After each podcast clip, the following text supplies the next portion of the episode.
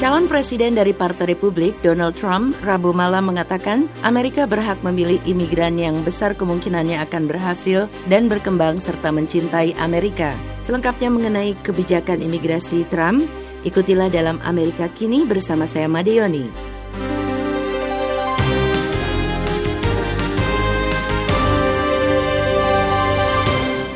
Donald Trump berpidato di Phoenix, negara bagian Arizona, memaparkan kebijakan-kebijakan imigrasinya. We also have to be honest about the fact that not everyone who seeks to join our country will be able to successfully assimilate. Sometimes it's just not going to work out. Kita harus jujur mengenai fakta bahwa tidak semua orang ingin tinggal di negara kita bisa sukses menyesuaikan diri. Trump mengatakan sebagian besar seruan untuk reformasi imigrasi terkait amnesti, perbatasan yang terbuka, dan rendahnya upah bagi warga Amerika. Trump mengatakan di bawah pemerintahannya mereka yang masuk ke Amerika secara ilegal tidak akan bisa menjadi warga negara. There will be no amnesty.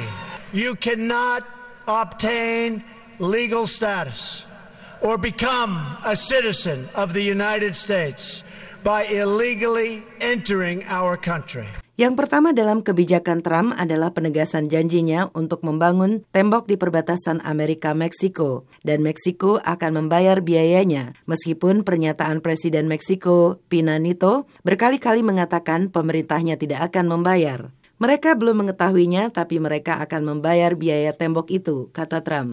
Trump menggambarkan kebijakan imigrasinya memprioritaskan keamanan dan kemakmuran ekonomi warga Amerika dan mengatakan proposalnya akan menurunkan kejahatan, geng, penyeberangan perbatasan dan penggunaan manfaat kesejahteraan sosial secara ilegal. Orang akan tahu tidak bisa menyelundup begitu saja, bersembunyi, dan menunggu menjadi sah, katanya.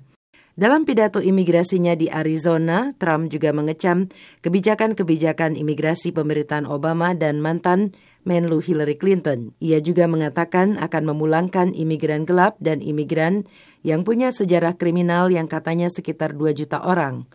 Number eight, we will finally complete the biometric entry exit visa tracking system, which we need desperately.